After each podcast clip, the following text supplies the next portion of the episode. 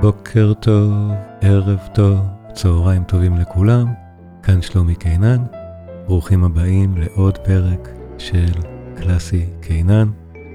הפעם מוצרט, הסימפוניה ה-40, אחת מהיצירות המפורסמות והאהובות ביותר של מוצרט, ובכלל.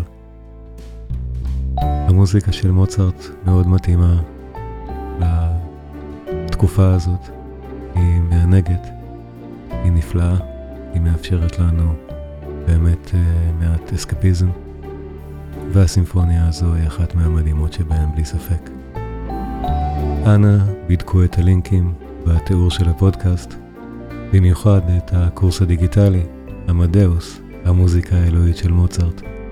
למי שאוהב את מוצרט, זה נהדר. הסימפוניה 40 בואו נתחיל. אז היום אנחנו ממשיכים עם מוצרט, אחרי הקונצ'רטי גם כמה סימפוניות, או בעיקר הסימפוניה ה-40 שלו. הסימפוניות, השלוש סימפוניות האחרונות של מוצרט, 39, 40 ו-41, הם לא מסוף חייו, הם שלוש שנים לפני מותו, זה מ-1788, אבל אלה האחרונות שהוא הלחין, ואחרי זה הוא עוד עשה הרבה מאוד דברים. למרות שלסימפוניה 40 יש מין תחושה כזאת, אולי קצת מלנכולית או, או דרמטית, היא, העצב שמובע בה הוא לא, שוב, לא העצב האישי של מוצרט על משהו, למרות שהרבה הרבה מאוד שנים חשבו שמוצרט לא שמע את היצירה הזאת בחייו מעולם. חלק מהמיתוסים הרי על מוצרט היו, היו מהסוג הזה, שהמוזיקה שלו לא התקבלה, ובגלל שהיצירה הזאת היא באמת יצירה מינורית וסימפוניה גדולה יחסית ומאוד מיוחדת, גם, גם השתיים האחרות הן לא במינור, אבל הן גדולות, ה-39 וה-41, אלה שמקיפות אותה, הוא כתב אותן כסדרה.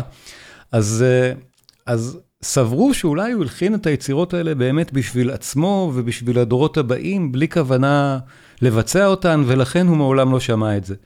אה, אבל מחקרים מודרניים אה, מעידים שזה לא היה הסיפור, ובאמת, הדמות של מוצרט, כמו ש...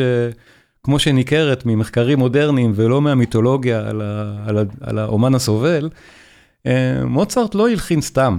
אז גם את היצירות האלה הוא הלחין לביצוע, כנראה בווניו מסוים בווינה, שבסופו של דבר, את שלושת היצירות, באמת שלושת הסימפוניות שהוא הלחין עבור, עבור אותו הווניו, והלחין אותם שוב בתקופה של כמה חודשים, ביחד, כקבוצה. אה, בסוף הקונצרטים האלה לא קרו, האירועים שם לא, לא התרחשו מאיזושהי סיבה.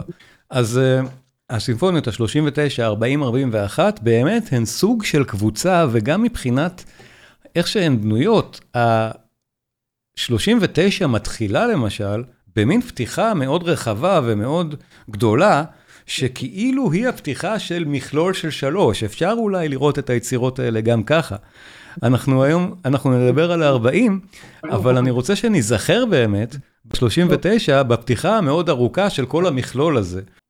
אנחנו ניזכר, הסימפוניה ה-40 מתחילה באמת באופן מאוד מאוד מהיר, שימו לב, הפתיחה המאוד מפורסמת, זאת אחת היצירות הכי ידועות שיש, לא רק של מוצרט אלא בכלל. זה מתחיל מאוד מהר, הנושא נכנס כמעט מיד אחרי חצי תיבה. הנה, התחלנו, ישר. והכל מאוד מכווץ ומצומצם, שימו לב כמה כל הקבוצת הנושא הראשון היא מהירה.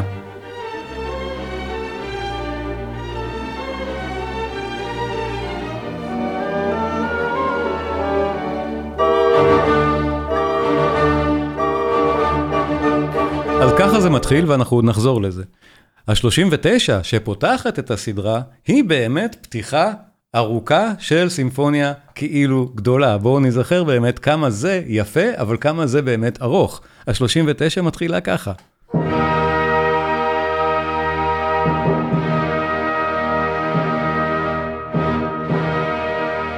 האקורדים האלה של מי במול מז'ור, שמנבאים את חליל הקסם.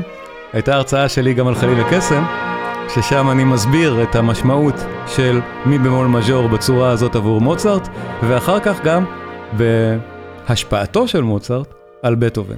מי במול מז'ור, הסולם של ההירואיקה, אבל במקרה של מוצרט כאן, מי במול מז'ור זה גם הסולם של חליל הקסם, שמתחיל עם אקורדים מאוד דומים. אבל שימו לב, אנחנו בפתיחה עוד לא הגענו לנושא בכלל. עדיין פתיחה.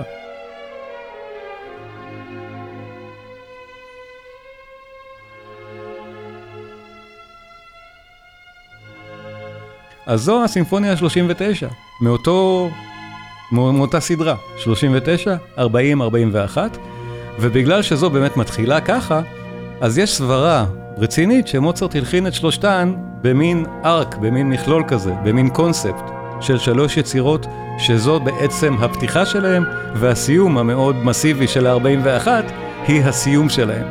ה-40 היא באמצע. אנחנו עדיין בפתיחה, שימו לב, מוצרט עוד לא הגיע לנושא הראשון. זה מאוד קיצוני בתקופה הזאת, מאוד מאוד ארוך.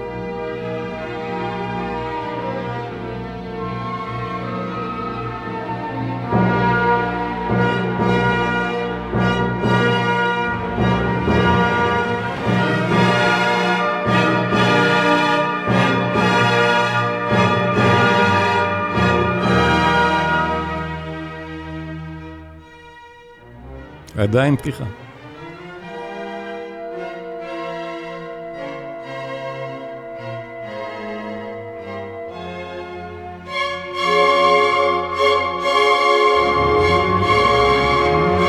פתיחה נהדרת, מלאה מתח, מלאה דרמה. מוצרט בסימפוניות האלה באמת מרחיב את סוגת הסימפוניה. השלוש האלה של מוצרט הן סימפוניות שונות ממה שהולכים לפני כן. גדולות, דרמטיות, רחבות ולכן אולי חשבו שהוא הלחין אותם בשביל הדורות הבאים, אבל מסתבר שזה לא הקייס. ועכשיו, יותר משתיים וחצי דקות בהקלטה הזאת, אבל הרבה מאוד זמן אחרי שהתחילה היצירה, אנחנו תכף נגיע סוף סוף לנושא הראשון שלה. וכשזה יגיע, זה יהיה ברור שזה נושא. הגענו. נושא מוצרט יפהפה. אבל איזו פתיחה ארוכה זו הייתה, באמת של מכלול של שלוש יצירות סימפוניות, אולי של סדרה כזאת. נושא נהדר.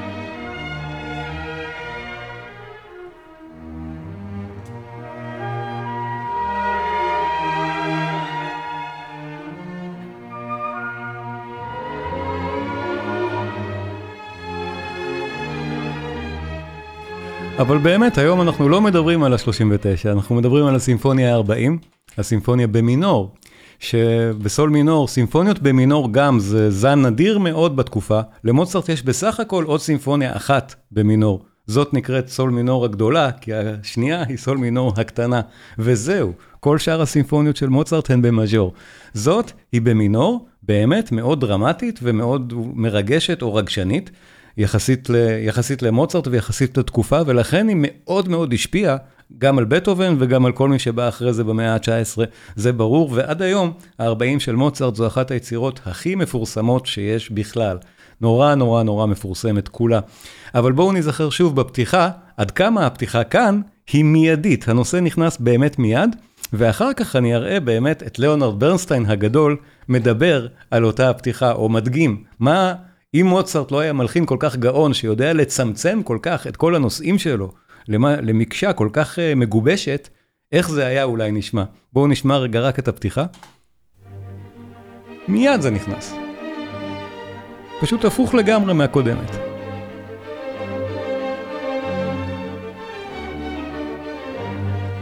ושימו לב באיזה קצרנות. הנושא הזה נכנס, עוד כמעט לא בא, וישר נקטע על ידי משהו אחר. ומיד זה.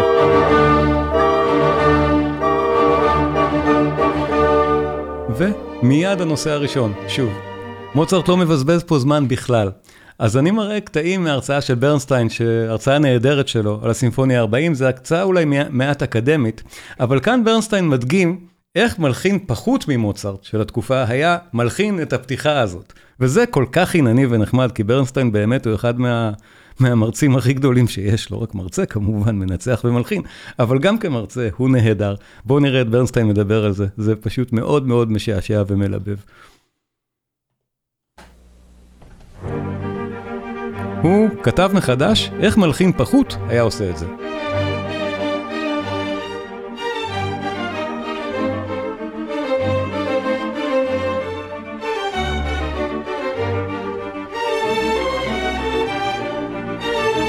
כמה חזרות על כל דבר.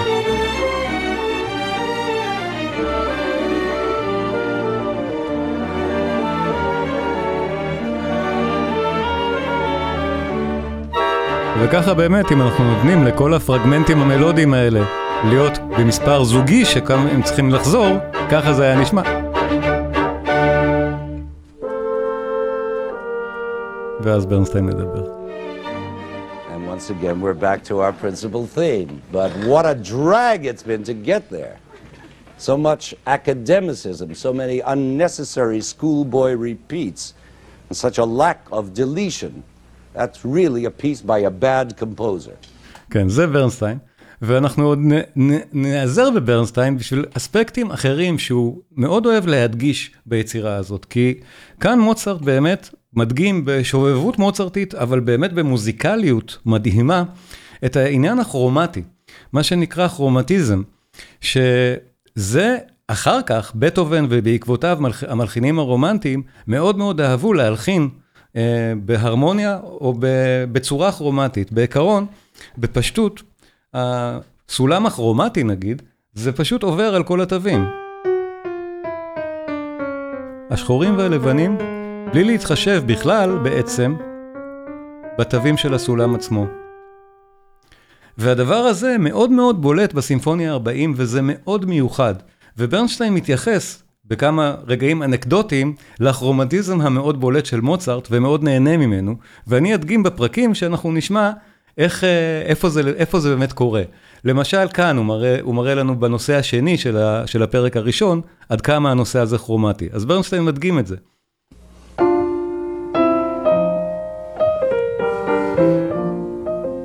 But notice that Mozart's theme is already chromatically formed. And it gets more so as it goes on. And even more so when it repeats. What's this? A whole new key, A flat major. Sudden new key, unrelated to either B flat or G minor. אז הרגעים הכרומטיים האלה הם באמת נפלאים ומאוד מיוחדים ומאוד מנבאים את העתיד. הרגע שברנסטיין התייחס אליו כאן זה הנושא השני של הפרק הראשון, שנשמע ביצירה ככה.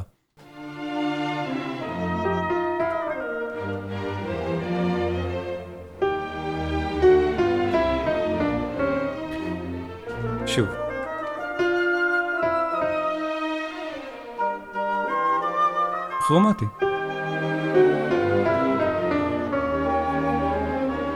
נהדר. אז זה הנושא השני של הפרק הראשון, ובלי באמת הסברים מהסוג הזה, קשה להבחין בזה. אבל זה בהחלט חדשני, ובהחלט מאוד מאוד מיוחד, ודברים שבטהובן ואחריו מלחיני הרומנטיקה, ודאי שווגנר, אנחנו מכירים, תהילתו על הכרומטיזם הזה. אבל מוצרט עושה את זה גם כאן. אז בואו נשמע את הפרק הנהדר הזה, ואני אראה באמת את הרגעים הכרומטיים האלה כשאנחנו, כשאנחנו נגיע אליהם. הנושא הראשון המפורסם, שמענו אותו כבר קודם, זה זה.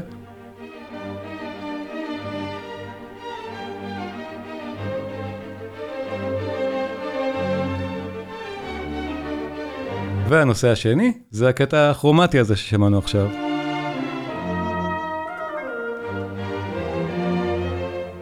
אחר כך יש לנו חזרה על נושא ראשון, נושא שני, חלק פיתוח. שגם הכניסה אליו היא כרומטית, אנחנו נשמע את זה, נגיע לרגע, אני אתייחס לזה. בסוף, רקפיטולציה, שגם הכניסה אליה היא כרומטית. ונושא שני, שוב. עם אותו עניינים, אותם עניינים כרומטיים. אם האוזניים שלכם כרויות לשמוע את המהלכים האלה, אני גם מדגיש אותם, תוך כדי מעבר על הפרק. בואו נשמע, הפרק הזה אחד מהרגעים הכי מפורסמים במוזיקה בכלל. נושא ראשון.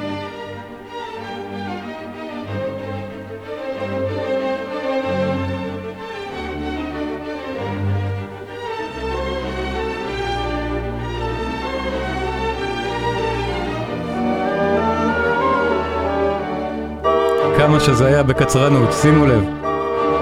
עד כאן, ומיד חוזר. מיד.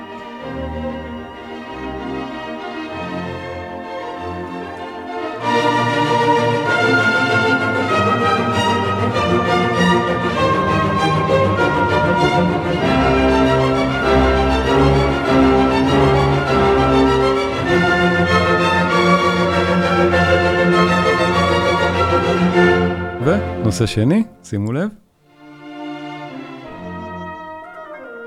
מוצרט מסתובב כאן עם כרומטיקה.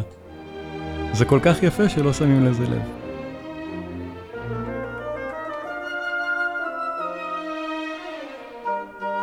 ההקלטה הבאמת קלאסית שאנחנו שומעים היום זה קארל בם, הקלטה נהדרת, זה מה שאנחנו שומעים.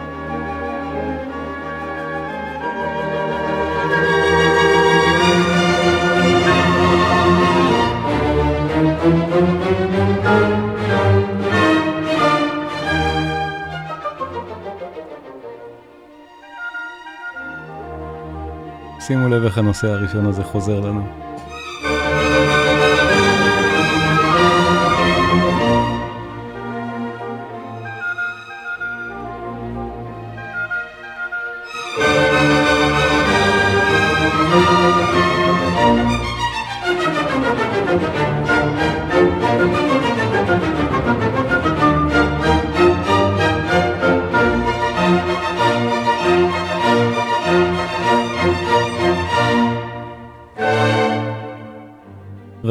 ואקספוזיציה, נושא ראשון שוב.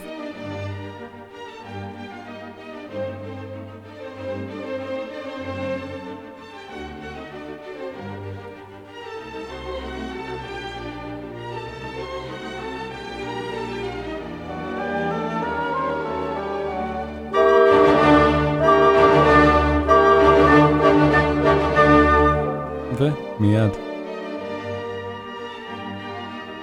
הצמצום והקצרנות הזאת היא נפלאה פה, מוצרט הוא גאון הרי.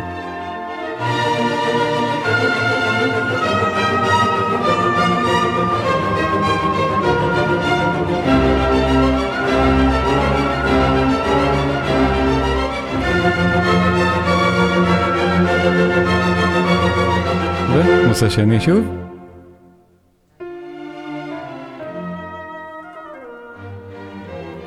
ואז עוד יותר.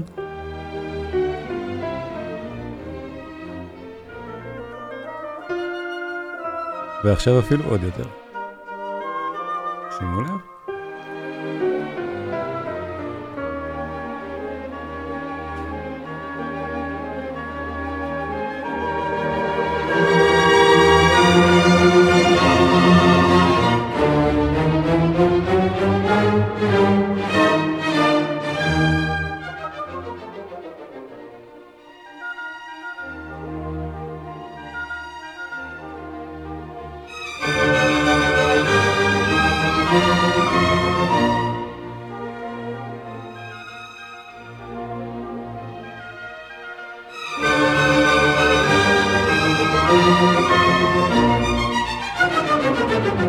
ושימו לב, אנחנו עוד מעט מגיעים לחלק הפיתוח, והמעבר אליו גם יהיה כרומטי.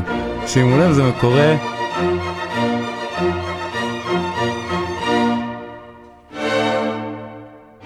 עכשיו.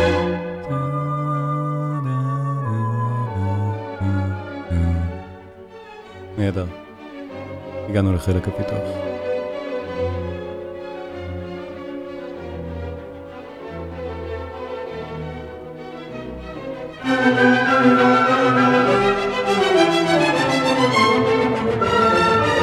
ומוצרט נוקט בקונטרפונקט נפלא כאן. מאוד מאוד סוער, מאוד דרמטי היצירה הזאת, יצירה במינור.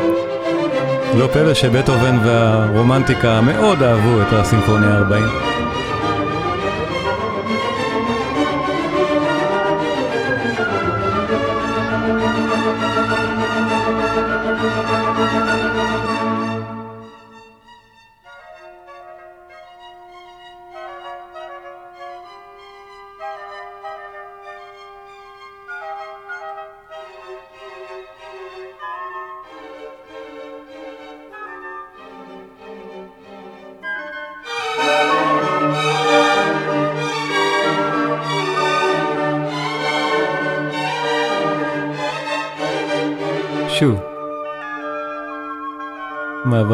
הנהדרים האלה לתוך הרקפיטולציה. והגענו. כל כך יפה. יונה, לשאלתך, אני לא יודע, זה לא כולל את הסימפוניה קונצרטנטה, אבל זה כולל כל מיני יצירות קטנות מהמוצרט המאוד צעיר, שלא נכללו ברשימה שלו, ודברים מהסוג הזה. רשמית, למוצרט יש סימפוניות עד 41.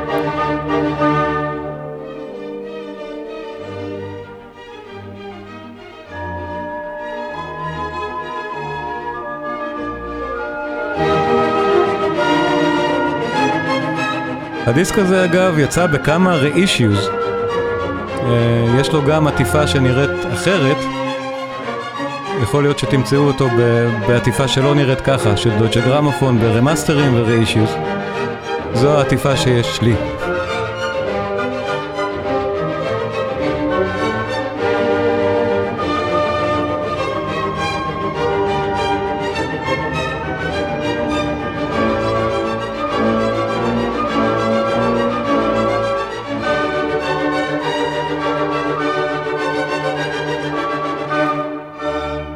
נושא שני, עם אותה כרומטיקה.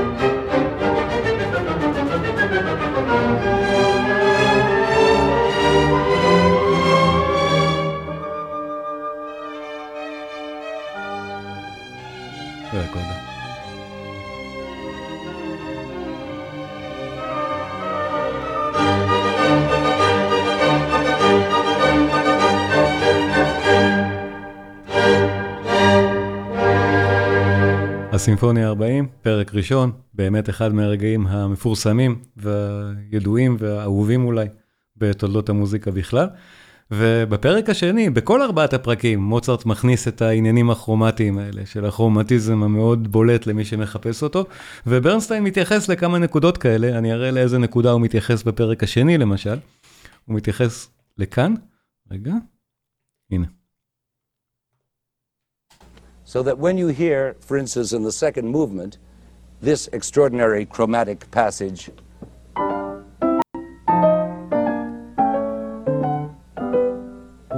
You can also be aware of the strong diatonic underpinnings, those fifths, again, striding inexorably from tonic to dominant. See if you can hear them.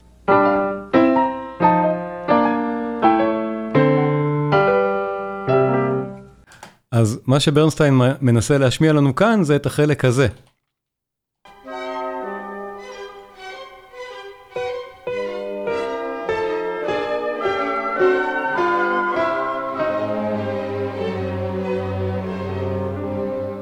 זה די מדהים. שוב, הלכנו מכאן.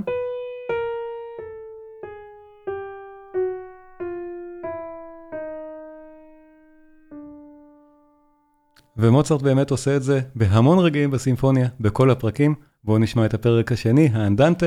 המבנה שלו מאוד פשוט, א', ב', א', ב', A, B, A, B, גם צורה שמוצרט עוד לוקח מהברוק, אבל uh, אני אראה באמת את החלקים האלה כשנגיע אליהם. בואו נאזין.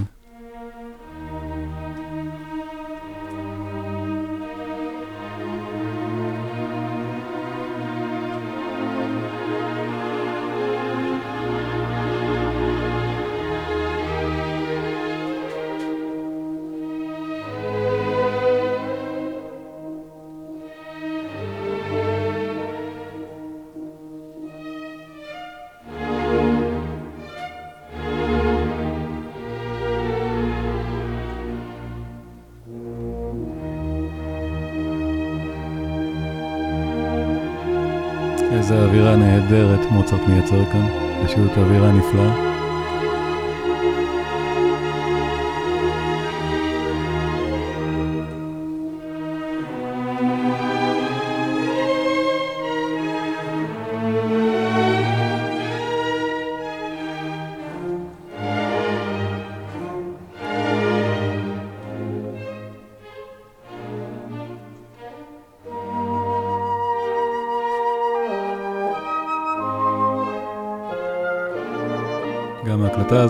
מהקלאסיות והנהדרות, ההקלטה של בם.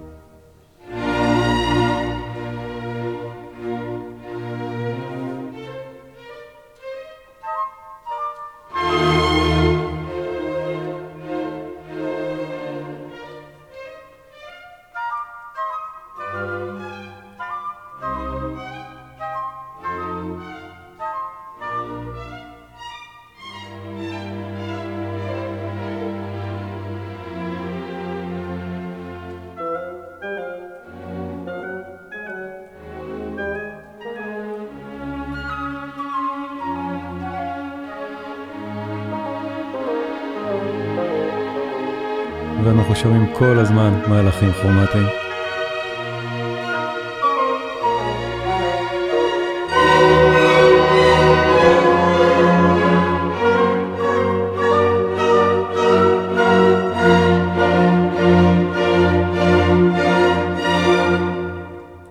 והגענו לחלק B.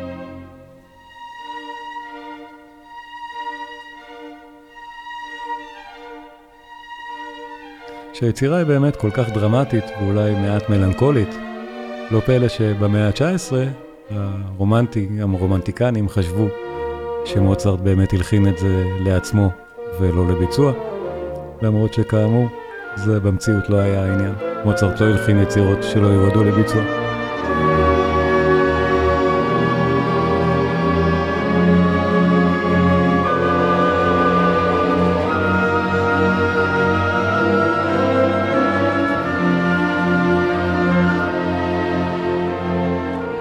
מחשבה רומנטית כזאת באמת מסתדרת עם האידיום של המלחינים שבאו אחר כך, אחרי בטהובן, של המלחין כגיבור, אולי סובל.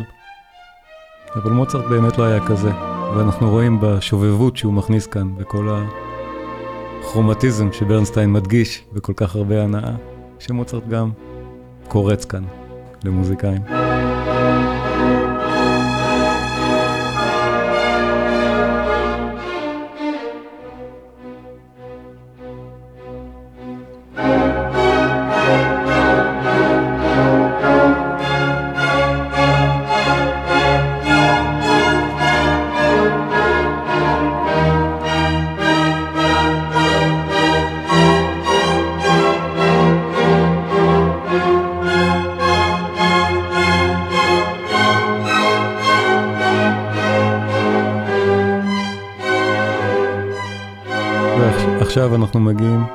לחלק ההוא שדיברנו עליו.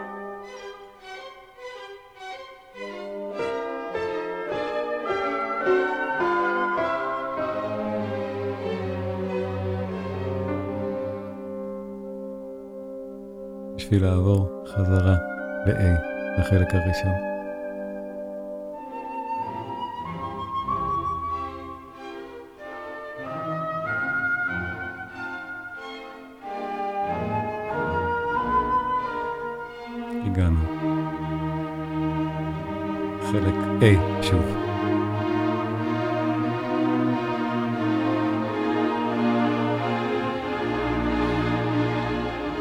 אחת מההוכחות לזה שמוצרט באמת הלחין את היצירה לביצוע, היא בזה שקיימות לה בעצם שתי גרסאות. הגרסה המקורית הייתה בלי קלרניטות. ומוצרט אחרי זה עשה לה רוויזיה והוסיף קלרניטות. ומוצרט לא היה עושה רוויזיה ליצירה אם לא היה צריך לבצע אותה בקונצרט. הקלרניטות שהוא הכניס זה היה בשביל באמת האחים סטדלר. דיברנו עליהם בהקשר של הקונצ'רטו לקלרנית וחמישיית הקלרנית. על אנטון סטדלר, אחד מהווירטואוזים של הכלי, הכלי החדש יחסית, הקלרינט. אז הגרסה שמבוצעת בדרך כלל היא באמת הגרסה עם הקלרינטות. או קלרניטים, לא יודע, מודקה יודע.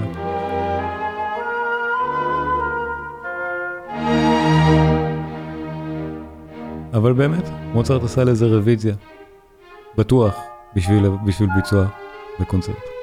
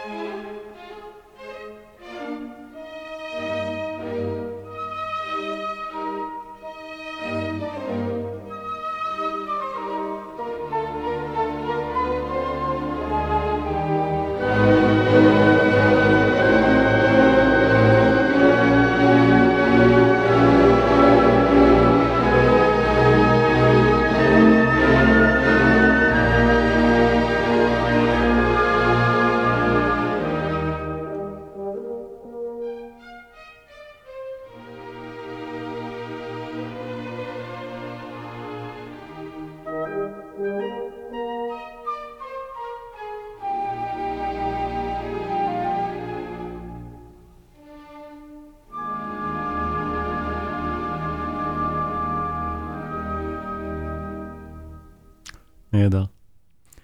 והפרק השלישי, מינואט וטריו, זה עוד מבנה שהיה מאוד מאוד מקובל בתקופה הקלאסית.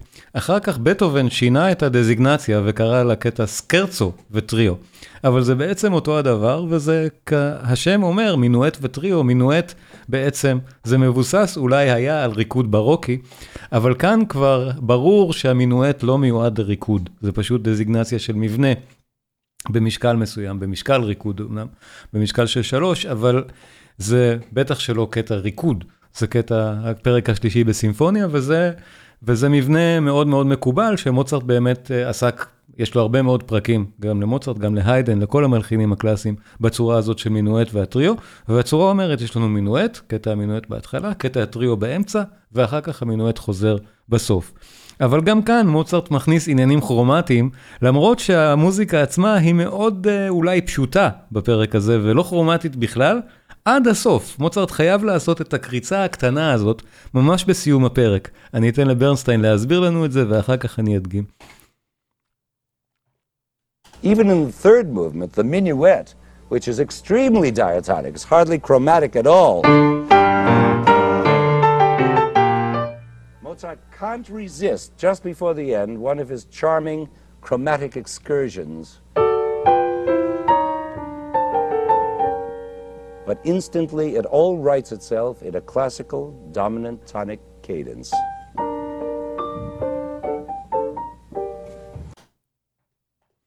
אז אה, כן, החלק שברנסטיין מתייחס, אליו, זה באמת החלק הכרומטי היחיד פה, שמוצרט עושה את זה באמת בקריצה, זה לא היה חייב להיות כאן. אבל הוא שם את זה ממש לקראת סוף הפרק, זה נשמע ככה.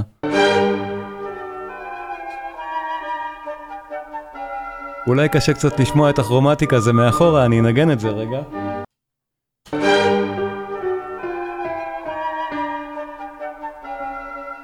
שוב.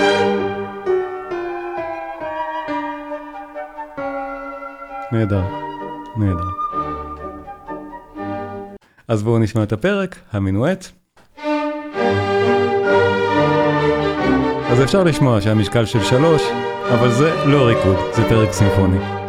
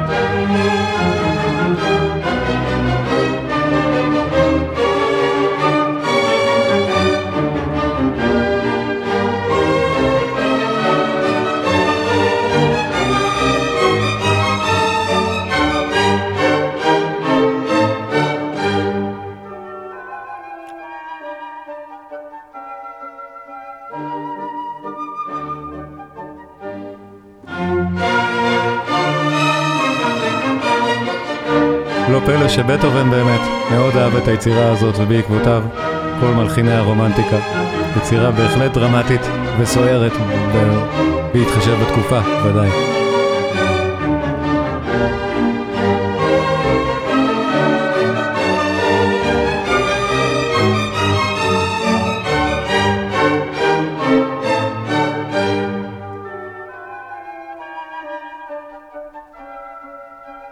יש לנו את הרמזים הכרומטיים הקטנים האלה, והטריו. נהדר. וקרל בום והתזמורת, ברלין מנגנים את זה נהדר.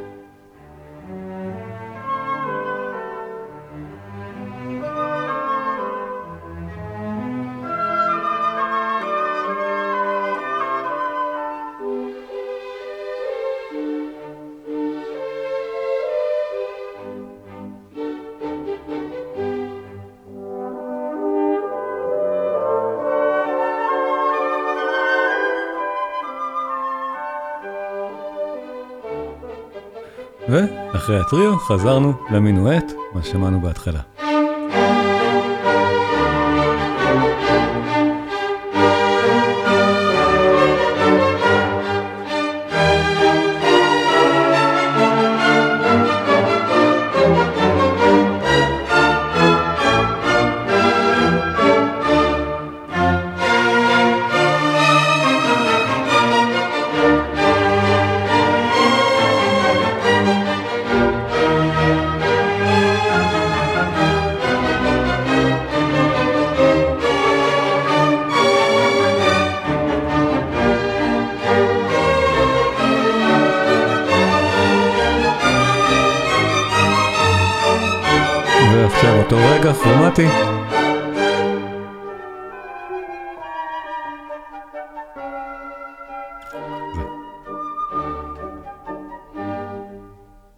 המינויות והטריו, והגענו לפינאלה, הפינאלה הסוער, הפרק האחרון של היצירה, וכאן יש את ההשתוללות הכרומטית אולי הכי בולטת והכי גדולה, ובאמת משהו מאוד מאוד קיצוני. כשמדברים על הסולמות הכרומטיים, זה לא, התווים האלה לא חייבים להיות מנוגנים לפי הסדר, הם יכולים להיות גם מנוגנים לא כסדרם.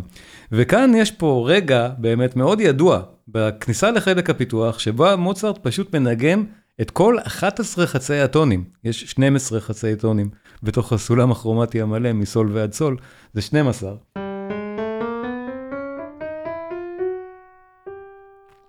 הוא מנגן את כל 11 חצאי הטונים פרט לסול. ברסטיין מראה את זה, והוא פשוט מראה את זה נפלא, הוא כל כך, כל כך נהנה, וכיף לראות אותו מרצה על הדברים האלה.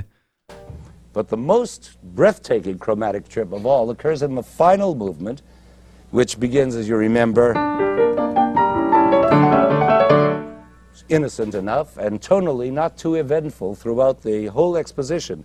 But then again comes the development section, and all hell breaks loose.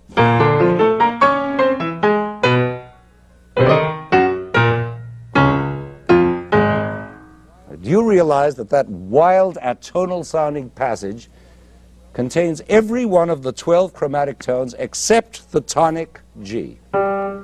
What an inspired idea! All the notes except the tonic.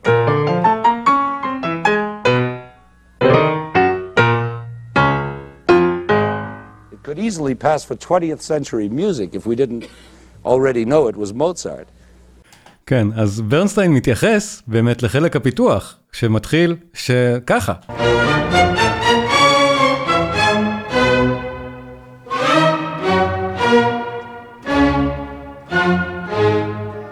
ואז הכל מסתדר, הכל כאילו בסדר. זה מדהים, הרגע הזה הוא באמת רגע קיצוני ומדהים שכל כך השפיע אחר כך על עשייה מוזיקלית. ברנשטיין משווה את זה כאן למוזיקה סריאלית של המאה ה-20, עד כדי כך הדבר הזה הוא באמת קיצוני, ומוצרט זה חלק מכנראה ההומור המוצרטי, הקריצות שהוא עושה. זה בטח לא מפריע למוזיקה להיות מאוד מאוד נגישה וקלה ויפה, הרגעים המאוד מיוחדים וקיצוניים האלה. אז יש לנו פה נושא ראשון, שבאמת הוא כאילו פשוט, רק מה שקורה איתו אחר כך, זה העניין. ונושא שני,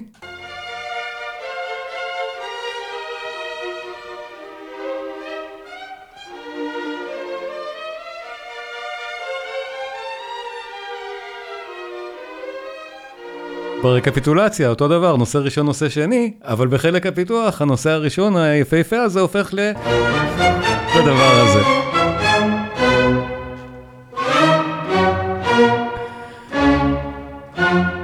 אז נשמע את הפרק, וכשנגיע לשם, אתם בטח כבר תבחינו. אני גם אגיד, הנה, הגענו לחלק הפיתוח, אבל עכשיו, ששמים לזה לב, זה מאוד בולט ומאוד מרשים.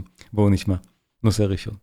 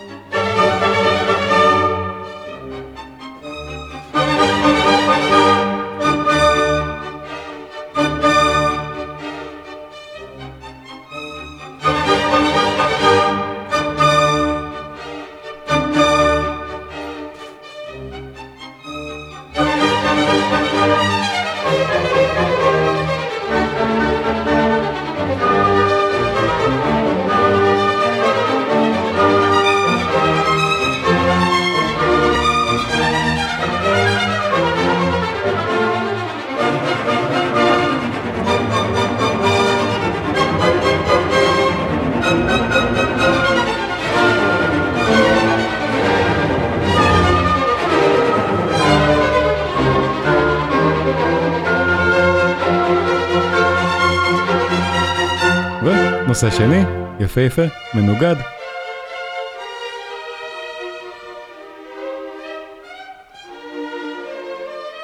וכל המעברים הקטנים האלה הם גם כרומטיים.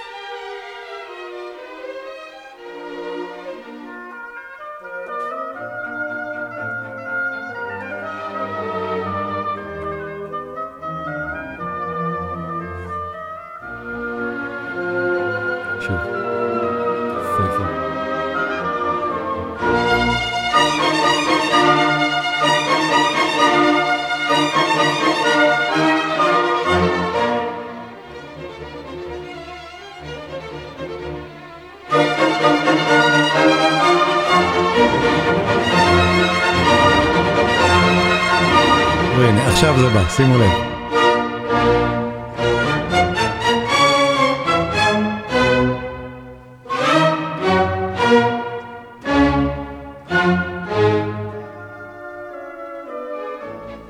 וזהו, חלק פיתוח.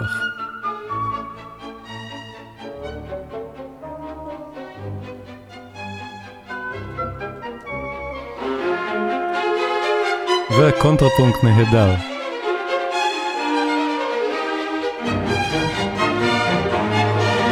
פיתוח נפלא.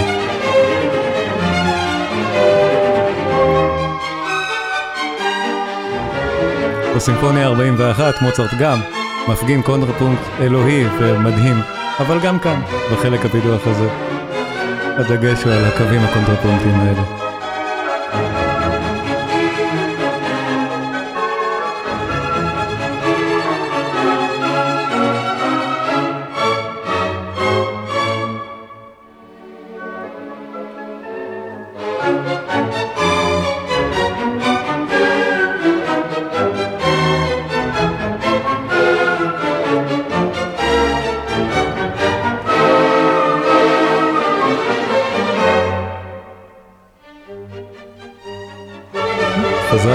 חזרנו לנושא